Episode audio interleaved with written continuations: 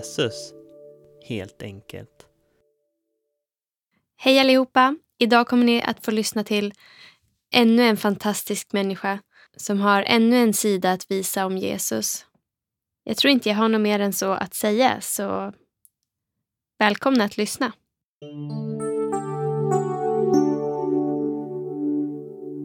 Välkommen hit Ulf. Tack. Mm.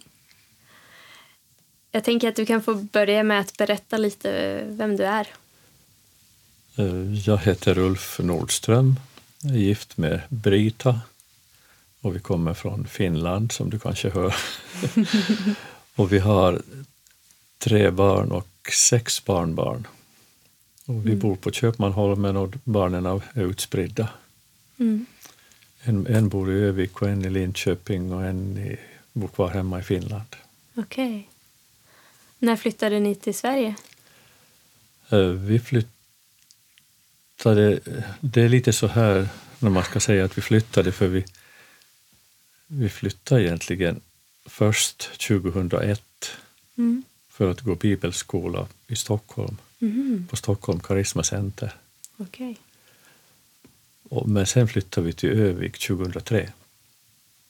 Okej, okay. och ni bodde i Finland däremellan? Eh, jo, då, så länge bibelskolan, eller som jag gick bibelskola, så hade jag bara tjänstledigt. Mm, just det. Så jag gick två år på Stockholm Karisma, men då var jag hemma och jobbade sommaren däremellan. Mm. men sen hösten 2003 då flyttade jag upp hit. Mm. Och sen dess har vi bott här. Mm. Hur länge har du känt Jesus? Så länge jag minns. Mm. För jag, jag, är uppvuxen i, i en kristen, en troende familj och min mormor och morfar var kristna och farmor och farfar. Mm. Så man har liksom fått det här med, med uppväxten så att säga. Mm. Mm. Så så länge jag kommer ihåg har jag känt Jesus. Vad härligt. Mm. Eh, vem är Jesus för dig? Min frälsare, mm. först och främst. Mm. Och sen är han min vän. Mm. Någon jag kan liksom umgås med och prata med och dela livet med, så att säga. Ja. Mm. Men du tycker att det, det, viktigaste är att han är din frälsare? Ja, mm. precis. Men på tal om frälsning, alltså mm. du frågar hur länge jag hade känt Jesus. Mm.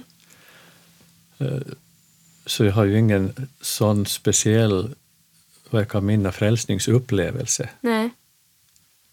Jag har ett svagt minne av att jag i söndagsskolan, om jag kunde vara sex eller sju år, liksom beslöt mig på något sätt. Mm. Och att det var någon stund där, men jag har ingen sån här speciell som vissa människor kan säga klockslag och datum ja, och precis. precis exakt när det hände. Ja. Och det där vet jag, det var ett problem för mig i ungdomsåren. Mm. För man hörde så många som vittnade om hur mm. härligt det var. Liksom, det var från ett förr och det var ett nu. Och, mm. och, och, jag hade ingenting. Nej. Och det, det kändes uh, väldigt jobbigt ibland för, för man undrar, ja, jag kan inte säga nu att jag tvivlar direkt på min frälsning, men men ja, det blev ibland så här att man liksom, ja, är jag verkligen frälst när inte jag har den här mm. upplevelsen? Ja. Men eh, det har man ju fått lämna liksom med åren. Man vet att, att man är frälst i alla fall. Ja. Och, och, så det har mer varit en, vad ska man säga, också en process. Mm. Liksom, man har ju vuxit sakta in i i sin frälsning så att säga och förståelse för vad det innebär. Mm. Fast man inte har den här upplevelsen direkt som många. Och sen också det här att, eh, jag menar man hörde många vittnesbörd, människor som hade varit ute i synden och levt eh, ett förfärligt liv och så blir vi frälsta och det blir liksom så stora kontraster. Mm. Men då hörde var det någon, någon som sa emellanåt och som tyckte jag styrkte mig att ni som inte aldrig har behövt vara ute i världen, ni ska vara tacksamma för det. Mm. Att slippa hela den där biten, mm. utan att man har fått vara kristen allt sedan man var ung. Mm. Ja, men det är li lite liknande som jag också hade. Mm. Jag, jag, tror också att jag har något sånt här minne från något läger när jag var... Uh, eller nej, det kanske var någon konferens. Mm. Men när jag var sex, sju år också. Att, att då bestämde jag på något sätt att ja, men det här är det jag tror på. Mm. Men det har också varit så där att det... Ja, men I och med att man är uppvuxen i, med tron på något sätt och har vuxit in i den Mm. så finns det ju inget konkret före och efter. Nej. Men, men precis som du säger också, det, det får man ju vara otroligt tacksam för egentligen. Precis, ja. Att, eh, ja, men att, att ha haft förmånen att ha känt Jesus hela sitt liv. ja, precis. Mm. Så det får man tacka Gud för egentligen. Ja. Att man har fått växa upp i ett sånt, en sån familj eller ett sånt förhållande. Mm. Men sen är det ju klart, då kan man ju ha svårt kanske att förstå sig på vissa människor och olika situationer. Och, eh, att man, man, för man har inte har de erfarenheterna. Men, Mm. men samtidigt så... Ja, då får man väl lyssna till vad de har att säga och, Ja. och, och berikas av det. Man lär sig nog också under livets gång just det här att lyssna på andra och se, ta del av deras livshistoria. Och, Mm. och sen också egna erfarenheter under livet så, så lär man ju sig att, Ja. att man är ju inget helgon för det först man, är, först man har varit Nej, trott på Jesus väl- hela livet. Så. Det är man verkligen inte. Nej. Vad innebär det för dig att leva med Jesus i vardagen?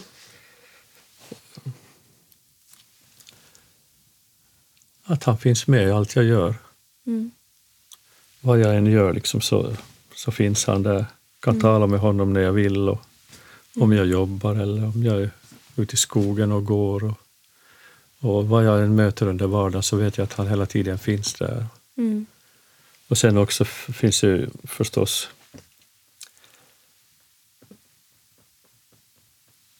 vissa händelser som man, jag menar man upplever Guds närvaro Mm. också under vardagen. Mm. Det var ett, en händelse som jag tänkte på som... Jag hade läst en bok av Thomas Sjödin. Mm. Han, han jag kommer inte ihåg vilken bok jag, det- jag läste det, men han skrev om att han tänker på Gud. Liksom när han kommer hem från jobbet och står och diskar så kan han komma på sig själv att han tänker på Gud. Mm. Och då menar man kan lätt tolka det som att han har tagit med jobbet hem, men han är ju pastor. Mm. Men han, han sa att men Gud fanns hemma innan jag kom. Ja. Det var inte att jag tog Gud med, utan Gud finns överallt. Ja. Och det här har jag upplevt också ibland då, riktigt specifikt, eh, vad kan det vara, ett drygt år sedan. Jag var bjuden på en konsert av min son. Och vi satt och lyssnade. Alltså det, var- det var ingen som sjöng utan det var bara musik. Mm. Och jag upplevde Guds närvaro så påtagligt. Jaså.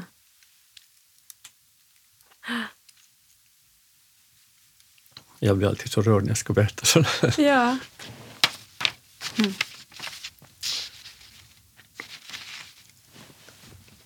Alltså mitt under själva musiken jag satt och lyssnade.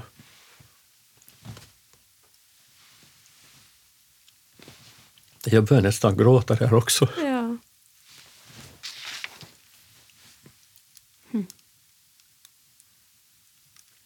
Och jag tänkte att Gud finns överallt. Mm. Jag behöver inte gå till en, gå till en kyrka eller jag behöver inte gå, vara liksom i ett andligt sammanhang alltid. Nej. Utan Gud finns med överallt där jag, vart jag än går. Ja.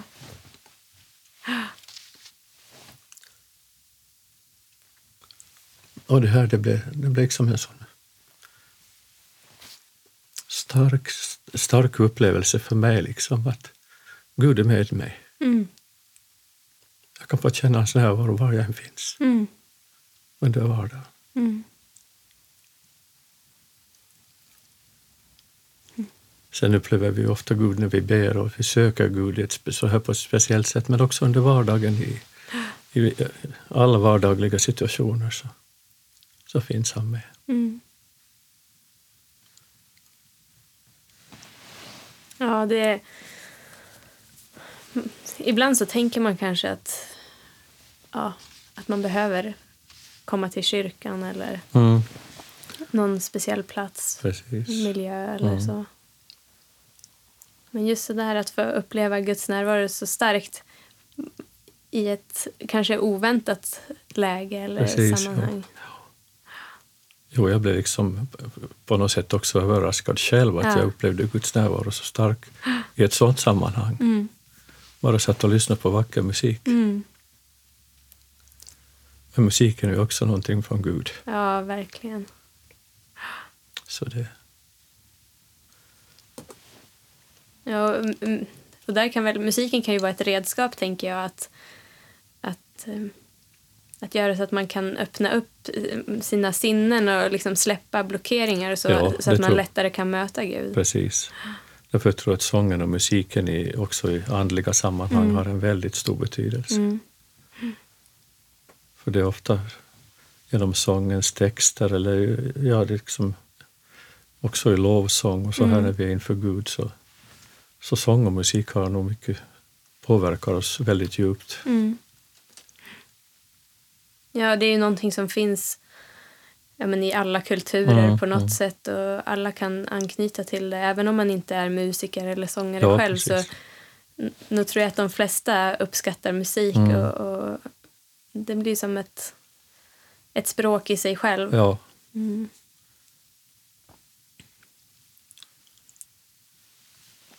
Hur umgås du med Jesus?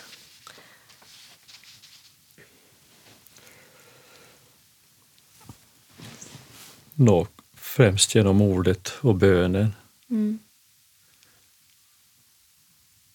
Och bönen tycker jag har utvecklats under åren på det sättet att det har blivit mer ett samtal Mm. mellan mig och Jesus. Jag kan sitta och prata liksom med honom. Mm. Ibland, ibland är jag bara tyst också. Mm. Bara sitta liksom i, i Guds närvaro. Men annars är det ju mycket mer genom ordet och bönen. Mm. Har du några eh, rutiner och så eller är det mer fritt?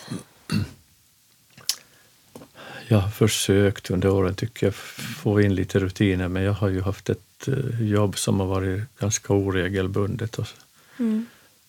för jag jobbar ju 20 år på sjön. Mm. Sen har jag jobbat nästan 20 år med missbruk. Har jag haft lite olika tider och så här. Mm. Men också fast jag har haft eh, lite mer ordnat liv så att säga så tycker jag att det har varit svårt att riktigt, jag har haft svårt med det här med rutiner att få in det. Så det har Mm. varit ganska spretigt. Mm.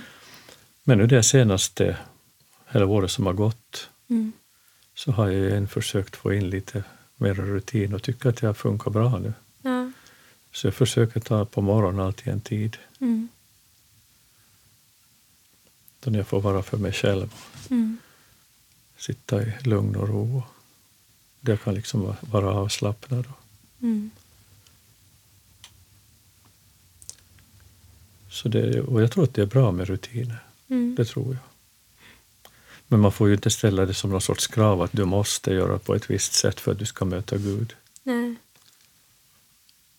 Utan där behöver man hitta sin egen, tror jag, sin egen rytm så att säga. Mm. Ja.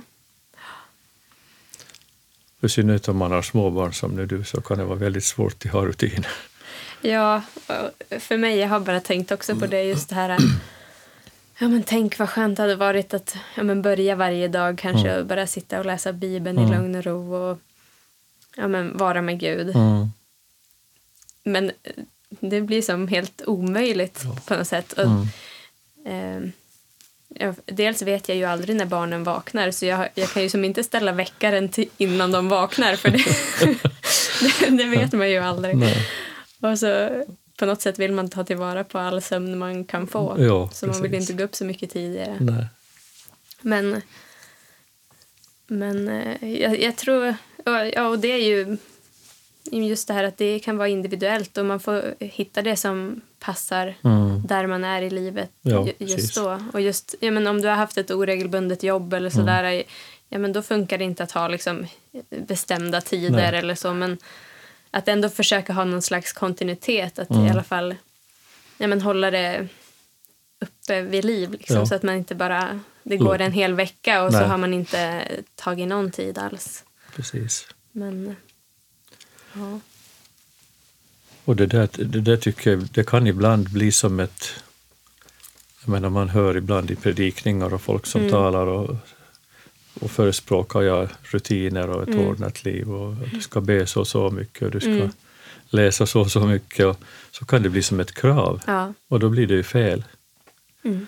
Och då tänkte jag faktiskt på, jag har en bok, eller Mm. jag, Vad roligt. Den där boken har jag läst ganska nyss. jaha just så, Ja. kanske det är någonting du känner igen då, för Ja. det, det var ett, ett sån här, en sån här krönika Mm. som jag tyckte att var speciellt bra just när det gäller det här med, med tid inför Gud och sådär. Mm. Och det är ju Thomas Sjödin som har skrivit det här. Mm. Och då heter det här kapitlet Det är bra som det är. Mm. Och han hade träffat den här katolska munken Wilfrid Stinnisen, Mm. karmelitmunken, och samtalat med honom och så skriver han att vårt samtal går inte att i efterhand återge, men mot slutet av dagen frågar jag oroligt om mitt eget andliga liv.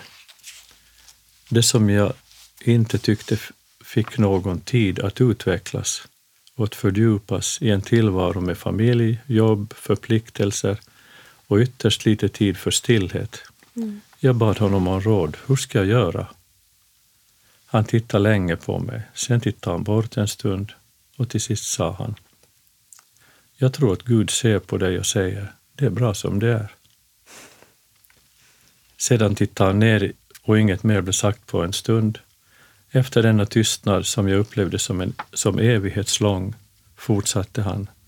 Men du ska veta att du alltid är välkommen att bli mer närvarande hos Gud. Och det här tyckte jag var så bra. Liksom. Då släppte alla liksom krav Ja. och han fortsätter sen väl och säger, tror jag längre i det här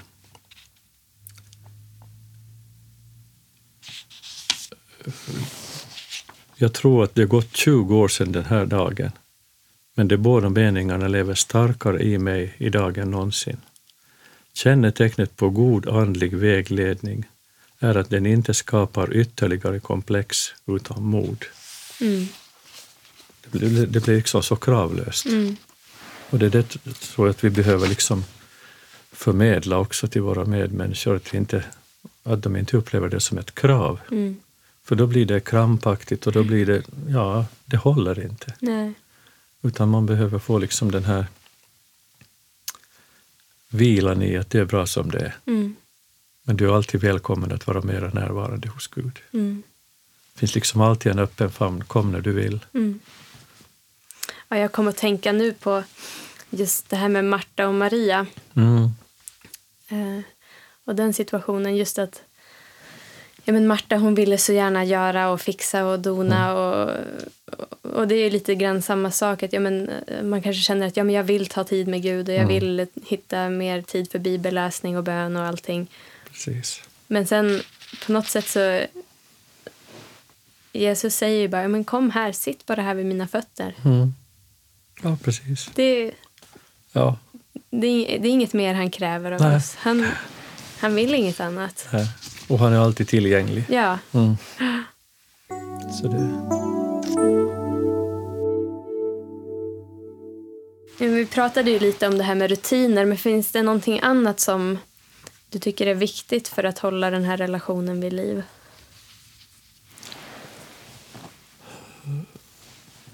ja... Lyssna på andlig sång Mm. eller sjunga själv Mm. och låta liksom sången och orden få, få tala till en. Och Mm. också sen att umgås med, med andra kristna tror jag att det är väldigt viktigt, för mig i alla fall. Mm. Och församlingen upplever jag som väldigt viktig. Mm. Att bara ta del i församlingens verksamhet, möten och sånt. Mm. För att liksom upprätthålla det här. För vi behöver stötta och vi behöver hjälpa varandra. Ibland är man kanske lite nere och Mm. man ser inte alltid, alltid klart. Man kanske fastnar i några tankar med funderingar. Och, Men träffar man andra kristna eller går till, till församlingen så blir man ofta upplyft och, Mm. och då ser man saken kanske i ett helt annat ljus. Och, Mm. så för mig är det viktigt för att liksom upprätthålla den här relationen. Ja. Ja, det, för det upplever jag också att jag tycker det också är väldigt positivt. Men samtidigt ibland kan man också höra de som tycker att det blir jobbigt till exempel att, att gå i kyrkan om de, men om de inte är liksom på topp. Men, Mm. och, och, och det har väl kanske med, jag vet inte, mycket kanske fördomar och vad man tänker, vad, vad människor tycker och tänker om en eller så. Men ja, Jo, det är klart det kan bli det också, men jag, jag vet inte, jag tycker jag har jag har så många gånger fått uppleva hur jag har blivit upplyft om jag Mm. liksom känner mig ner och, mm, och känner mig, mig misslyckad eller dålig. Och, så kan man få höra ett bra ord, Guds Mm. ord. Och, eller man kan gå fram till förbön och få förbön och, och, och få möta Jesus på det sättet. Och, mm, och så, så går man hem mycket gladare och lättare än när man kom. mm, Så för mig har det... Men det här är säkert också individuellt, man är, vi är ju så olika Ja. som människor. Men för mig har det varit, varit bra i alla fall. mm. Ja, just förbön, det tänker jag, både jag själv och även jag upplevt andra också att ibland så är det som att man tycker att man måste ha världens största böneämne för Mm. att liksom gå på förbön. Mm. Men det är ju en alltså, fantastisk möjlighet vi har Ja, att få, ja. få dela mm, ja, men, små och stora problem eller Mm. bara funderingar och tankar. Eller, Mm. Och så ja, men dela det med en annan människa men också bjuda in Gud i... I, I det hela. Ja, precis. Ja, så, jag vet som yngre så tänkte man nog ibland när man ville gå fram Mm, att vad ska andra tycka? Går han fram igen? Vad har han nu för problem? Och så, det kan liksom bli en sån tanke, Ja. men eh, sånt får man ju bara släppa. ja. Ja. Ja, jag, det var nu bara några veckor sedan som jag började reflektera över just människofruktan och gudsfruktan. Mm. Att de är, I princip så är de ju varandras motpoler. Mm. För börjar man att ta hänsyn till vad människor tycker Mm. och tänker då blir det ju helt plötsligt att man liksom prioriterar ner eh, Gud och hans vilja och, och liksom att man, då fruktar man inte honom på det sättet Nej, som utan- han bör eh, fruktas. Nej, precis. Utan då blir det människofruktan som styr Mm, istället mm. för gudsfruktan. Ja. Ja, precis. Man, man kan inte på något sätt leva i, i båda eh, liksom, ställena samtidigt utan Nej. mm, ja, Mm. man, man måste välja antingen eller Precis. på något sätt. Jo, det där tror jag nog att vi... Det där har jag också fått brottas med, med människofruktan och sånt här. Mm. Och det tror jag de flesta råkar ut för ibland. Mm. Mm. Just rädslan för vad, vad tycker de och vad tycker han eller vad tycker hon. Och, Mm. Men det är bättre att frukta Gud. Ja, jag tror också det.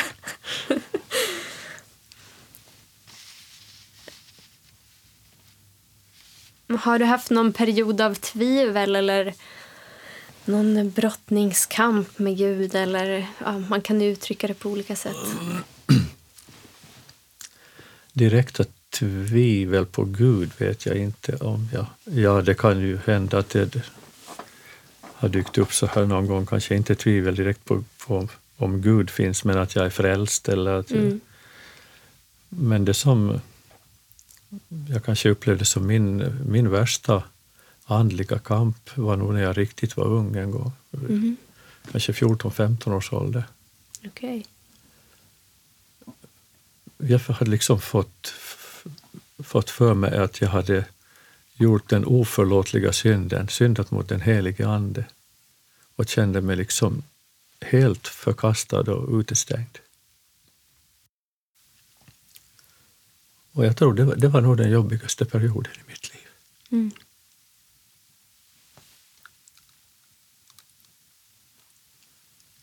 hur länge den, den pågick, det, jag funderar på det men jag vet inte riktigt. Men nu var det kanske en tre, fyra månader som jag befann mig i det här tillståndet. Mm. Jag bad och jag läste Bibeln och jag gick på möten och jag, jag lämnade ingenting liksom av det här men det fanns liksom hela tiden den här känslan att jag, ja, att jag var... Det var liksom kört. Mm. Att, Och du, att, först- att du inte skulle få förlåtelse. Ja. liksom. Mm. Och det, det var ju... Det var ju säkert djävulens verk Mm. som försökte liksom ta, Mm. ta ifrån mig. Mm. Men sen hade vi, bodde ju i Finland den tiden. Och så hade vi besök av en pastor från Sverige. Han var flera gånger, flera år rad liksom på besök där i den här trakten. Och, och han kom till vår församling då också en söndag. Och då predikade han. Jag kommer inte ihåg egentligen någonting annat av den predikan, bara att han pratade om att lyssna i tro. Det står ju i Galaterbrevet om att kom det sig av att ni lyssnar i tro eller var det på grund av gärningar Mm. som de var frälsta. Mm. Och på något sätt så öppnade det här upp på något sätt att jag kunde lyssna i tro och ta emot det budskapet. Sen var jag fram till förbön och han var för mig. Och, och jag sen var jag löst. Wow. Jag tror att det här var den, den svåraste liksom, andliga kamp som jag har varit inne i. Mm. när det gäller just den här vad ska vi säga, tvi, tvivel. Mm. Eller, jag vet inte om man kan kalla det tvivel, jag vet inte riktigt vad man ska kalla det. Nej. För jag tvivlar ju egentligen Nej, du inte på tvivlade Gud. inte på Nej, Gud, men, nej. men du tvivlar på din frälsning. Eller Kanske på, min frälsning ja, eller Mm. att, att, att förlåtelsen Ja. räckte. Ja. Mm. Att förlåtelsen räckte. Ja. Mm. Och det var ju egentligen bara en små sak som gjorde det här, men man var ju ung och själv, jag var en sån där känslomänniska vet du, hela livet. Och, Mm. och jag var på ett bönemöte. Den tiden låg man ju på knä när man bad, Ja. vilket inte är så vanligt idag. Nej, Men det var, det var ju, ja det var alltid det. okej. Man var på bönemöte så man sjöng lite och så, sen gick man ner på knä och så bad man. Och det, och Gud hör ju vilken ställning vi än har så det har väl ingen betydelse men det var den traditionen. Mm. Och vi låg och bad där och, och jag upplevde liksom att jag skulle gå och be för en syster, en äldre syster. Mm. Och jag, och jag upplevde att hon, att hon var sjuk på något sätt. Jag vet inte, jag minns inte så noga. Men jag gick, efter kamp så gick jag bara för den där kvinnan. Mm. Och sen efteråt så säger hon, inte jag är sjuk. Och då liksom rasade allt. Då tyckte jag att jag, men... Och det var ju egentligen ingen, men djävulen fick på något sätt in, in mig i de här tankarna. Mm. Och sen, sen hamnade jag i det här. Det var efter den händelsen som Efter den hamnade- händelsen som jag hamnade in i det här. Mm. Så det, Ja, det, det är ju klart att, att vi, vi är ju människor och Mm. även om vi upplever ett tilltal, Ja. att, att vi upplever det från Gud. ehm, så det, men dels så prövar vi ju det själva och det Mm. gjorde ju du genom att det var någon slags brottning. mm, Eh, men sen måste ju den som nästa person också Mm. pröva det Mm. som sägs. Och mm, Det är ju en naturlig process. eh, Just eftersom att vi är ju inte heller fullkomliga så kan Nej. vi ju aldrig veta exakt Nej. säkert om det är Gud eller inte. Men till exempel i den här situationen så skulle det ju kunna vara så att hon var sjuk men inte visste om det. mm. Alltså, det vet man ju inte nej, heller. nej, och jag vet inte heller. Nej. Men, men, men jag förstår den här Ja, känslan att mm. då, oj, jaha. Och, och särskilt om man har haft en brottning innan Mm. att nej, jag ska inte göra det här och så gör man det och så, jaha, nej. Så var det. Ja, Att det kändes som, ja. man gjorde någonting helt tokigt och Ja. så var man ung. Och, Men, men, men där är ju också att även om det nu var så att om hon inte var sjuk mm. så det, det är ju inte skadligt att be för någon. Nej, nej. Det, det, det gör ju ingen skada. Och det är det jag tänker att Eh, Också om man, om man är lite sådär att man vill försöka lyssna in Gud, kanske i både profetiska tilltal eller bön eller kunskapens ord eller så. Eh, Så länge man gör någonting som är till uppbyggelse eller liksom som så, så finns det ju egentligen ingen risk i, i, det. Nej, nej, i och för sig. Eh, det är ju mycket, kanske om man kommer med, med liksom dömande uttryck och så, ja men då... Men jag tror att oftast Gud vill använda oss till att muntra upp varandra och ja, be för varandra. Precis. Och oavsett om, om det stämmer helt eller inte så tänker jag att Jo, vi söker ju Gud och, och vi vill göra hans vilja och genom att be för någon eller att Mm, eh, så ärar vi ju Gud. ja. Mm. Jo, jag har nog tänkt på det efteråt, liksom Mm. så här att eh, hur viktigt det är också liksom vilken respons vi ger om någon kommer Mm, med någonting precis. till oss. Det kanske inte var det visaste hon gjorde när hon sa så här. Hon kanske bara skulle ha tackat. Mm. Jag vet inte vad som... Nej. Men att det är någonting man behöver tänka på Mm. själv, liksom om någon kommer med ja, men jag ska pröva det här och jag ska och inte liksom avvisa Nej. det direkt. För det, då kan det bli så här. Mm. Mm. behöver det ju inte bli för andra som det blev för mig. Men, Nej. Men det kan, det kan Mm. säkert bli så. Och särskilt om man tänker att hon var lite äldre och du Mm. var ung. Och det, det är också någonting som spelar roll. Så. ja, Ja, men det, det är ju jätteviktigt att på något sätt... Ah, det ska ju inte heller vara något krav, men att sträva efter att, att göra allt som vi gör i kärlek. mm, Och just det här att försöka sätta sig in kanske i den andra personens liv och, Mm, mm. och, situation. Och precis. då blir det ju kanske mindre risk att det blir så mycket missförstånd. Ja. Och, och liksom, mm. Jo, men det... Men sen är det ju klart att det finns ju en andlig dimension i det också. Att, att, det, att det uppstod en kamp eh, för dig. Mm, Det kan ju ha många orsaker. Så, Ja, jo. Men, mm, men Gud hjälpte mig och löste mig från Ja. det. Så det, det är ingenting som, som på det sättet liksom... eh, vad ska jag säga, det är ingenting som binder mig på något sätt, vad- vad jag vet idag. Nej. Utan, det är en erfarenhet. Och då får man ju ta med sig också just det här fantastiska att Gud kan lösa oss Mm. från såna ja, men, tankar och, och eh, ja, mm, bindningar. Ja, men på något sätt. ja, precis. Att man behöver inte bli, bli, bli, bli fast i sådana här låsningar. Nej. Eller, för det är ju i tanken det liksom fastnar. Ja. Men och där är ju förbön och, och själavård och, ja, men, och gemenskap med andra Mm. kristna så otroligt viktigt. Ja, precis. Annars är det ju lätt att, att det blir låsningar Mm. som, som Som kan vara svåra sen. Och, Ja. Vill du dela något speciellt som Gud har gjort i ditt liv? Nu har du delat den här grejen. Ehm, Att få upprättelse och befrielse eller vad man ska säga i en sån situation. Men finns det någonting annat? Jag kommer ihåg en gång, jag var ju på, på sjön i 20 års tid. Mm. Som jag också kommer ihåg ett tillfälle som jag ropade, ropade på Gud. Mm. Och det var ju, kom i tät dimma, man hade ju radar och sånt då, så vi körde för fullt. Och vi, jag, så, eh, jag hade vakten och stod och kollade i radarn och följde med och såg andra båtar och så såg jag en som kom långt bort och så att vi kommer att mötas så här. Mm.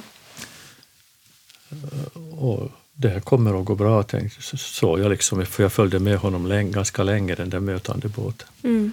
Men sen helt plötsligt, när han var nära och när du, i radarn så får du ett sådant område omkring det, bara det är lite vågor så blir det sådana störningsflimmer. Okej. Och precis när den där andra båten började komma in i det där störningsflimret så märkte jag att men nu har han ändrat kurs. Nej. Och jag tänkte, vad ska jag göra? Jag vet inte vart han tar vägen. Nej. Så då ropade jag på Gud. Ja. Och så stod jag bara och tittade Ja. ut genom fönstret och funderade vart, får se om han ska dyka upp någonstans. Och, sen såg jag honom i dimman. Då det, men då såg han också mig samtidigt och så svängde han att han får akta om. Men då, när man, då känner man sig ganska hjälplös, liksom. man Ja. vet ingenting. Gud, Ja. vart tar vi, vart tar, vad händer? ja, Men det gick bra. det gick bra. Mm. Ja. Och sen kommer jag nog ihåg en gång i, i en storm som jag var lite, kände mig osäker och ja, och lite rädd faktiskt väl. Och jag hade ingen lugn och ro. Mm. Och då, var jag, då låg jag i min koj, för jag hade frivakt. Och då kom det en sång.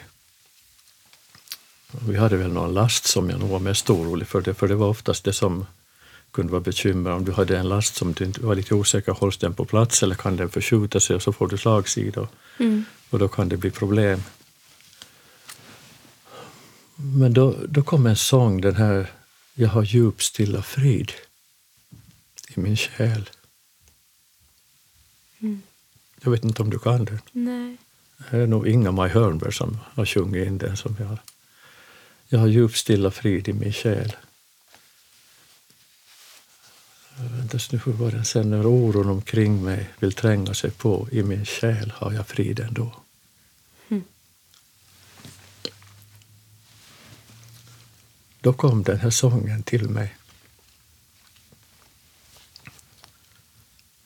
Så starkt på något sätt. Mm. Jag låg, jag låg i min då. Mm. Och eh, all den här oron, all den här liksom fruktan och rädslan försvann. Mm. Och jag bara fylldes av frid. Mm.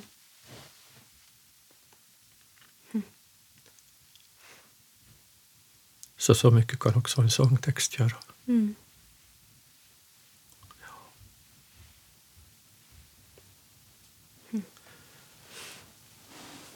Så man har fått uppleva hur Gud har varit med på olika sätt. Ja. Sen tycker jag att man ser Guds eh, beskydd i vardagen lite hela tiden, fast ibland nästan o- man inte tänker på det ens förrän efter. Det, Oj, det gick så bra. Mm. Tack gode Gud för det. Mm. Så det, det är en trygghet att ha Gud med. Mm.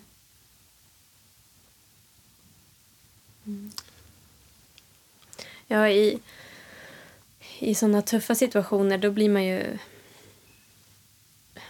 Ja, men då är det ju som naturligt att verkligen lita på Gud Mm. och, och, och vända sig till honom. Men jag tänker också det ibland att, att jag skulle önska att jag ännu mer också i vardagliga situationer Mm. där man Ja, men det är just när man själv har erfarenhet och kunskap så känns det ibland som att man klarar sig.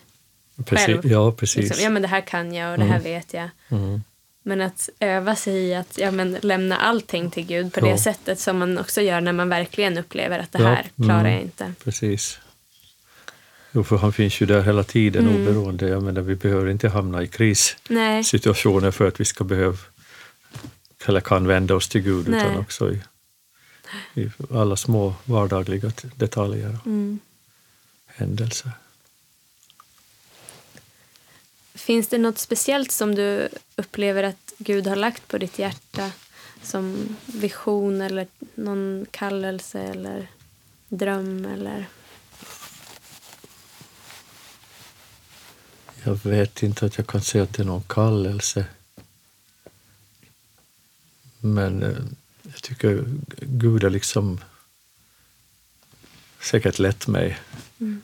För jag tycker att jag hamnar, har hamnat i, liksom, i sådana situationer, eller ja, i, i, att ta hand om de lite utsatta. Mm. Jag jobbade med missbrukare i nästan 20 år. Mm. Och det var ingenting jag hade tänkt heller, utan det var liksom bara Det blev så. det blev så. Och sen också det här nu med, som vi har situationen här med tiggare och invandrare. Och det är sånt som nog finns på mitt hjärta. Mm. Och också vet jag hos Brita, alltså min fru. Mm. Men inte, jag kan inte säga att jag upplever det som någon sån här kallelse Nej. direkt ifrån Gud, utan, men det kanske är det också. Ja, men, man- jag, man kan nog... Ja, men jag tänker ju att Gud han lägger ju olika saker Mm. på våra hjärtan. Och, Mm. För, att man kan ju inte göra allting, men, men eh, han lägger olika saker så tillsammans som en enhet så, så kan vi ja, men sprida budskapet om Jesus Mm. och, och, och Gud på, på olika sätt som kompletterar varandra. Jo, Gud leder ju oss i, ibland både medvetet och omedvetet. Ja. Du har ju läst lite grann här Mm. ur, ur en bok, men har du något annat tips på någon sång eller någon bibeltext eller någon bok? Eller? Ja, jag gillar ju både Thomas Sjödin och så gillar jag Peter Halldorf. Mm. Så jag har en bok av Peter Halldorf också Ja. som heter Drick djupt av anden. Som jag tycker att är väldigt bra. Mm. Nu är det flera, säkert två år sedan kanske, eller mer jag läste den, så jag slog bara upp den idag. Mm. Så här och tittade lite och så då tyckte jag att jag fick, fick, det dök upp ett så bra litet stycke här som jag tänkte att jag skulle läsa, Mm. om det går bra. Mm. Bilden av kyrkan som Kristi kropp uttrycker inte bara församlingens uppdrag utan förkroppsligar Kristus. Den illustrerar också den kristna trons gemensamma karaktär. Kroppen består inte av en enda del utan av många. Maximus, bekännaren, tecknar en djärv vision av såväl församlingen som den enskilda kristnes liv när, när han säger att kyrkan är människa och människan är kyrka. Hans ord är ett stygn i hjärtat på all andlig individualism, på samma gång som det antyder att varje människa är en församling i miniatyr. Hon representerar hela mänskligheten och hennes frälsning är förbunden med hela världens frälsning. Hon är ett tempel åt den helige Ande som framträder genom henne. Men det, men det är som en del av kyrkan, Kristi kropp, hon gestaltar Guds liv. Ingen kan göra anspråk på att ensam spegla fullheten i Kristi liv och Andens gåvor. Det gör vi bara tillsammans. Mm.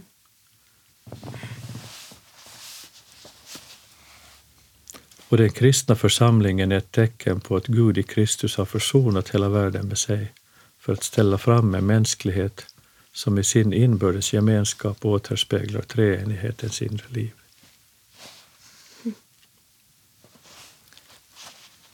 Så det, det, det, liksom det här som jag sa här tidigare, att församlingen är så viktig. Mm. Och jag tror att det gemenskapen med andra kristna också, med olika kristna kyrkor, den gemenskapen. Det är bara då vi liksom kan nå den här fullheten. Mm. Och för ensam är vi inte starka. Nej. Fast man säger så ibland, men det, det stämmer inte. Vi är inte ensamma, vi är inte starka, utan det är tillsammans som vi är starka. Mm. Och det är tillsammans som vi liksom kan återspegla Kristi fullhet. Mm. Mm. Och Ja, det- det är jätteviktigt. En jätteviktig del. Och just det här... Ja, men för Gud, som jag var inne på också, att Gud lägger ju olika drömmar och tankar och visioner. Mm. Men han har ju också lagt ner olika gåvor i Mm. oss. Mm. Och där, där är det ju viktigt också, tillsammans kan vi också hjälpa varandra att, att hitta just våran uppgift eller vår, så att så att det inte någon gör för mycket Nej. och någon inte får Mm. något utrymme att göra någonting utan Precis. hjälpas åt. Och, och tillsammans så kan vi få men, använda alla olika andens gåvor. Och då, då tillsammans blir vi ju mer lik Jesus så som Mm. han Mm. Levde när han Ja. var på jorden. Mm. Och då är det mindre risk att det är någon enskild som sticker fram liksom och tar äran, för det är ju Gud som ska ha äran för Mm. allt som han gör. Och i den gemenskapen, det är vi som gör det, det är inte bara jag eller Mm. hon, eller, utan det är Gud som verkar genom oss alla. Mm. Då, blir vi, då kan vi återspegla Kristi liv, Mm. fullhet. Med alla våra fel och brister. Mm. Så är det. Och Gud, mean, Gud i sig själv, han är ju tre. Mm. Precis. Så, ja.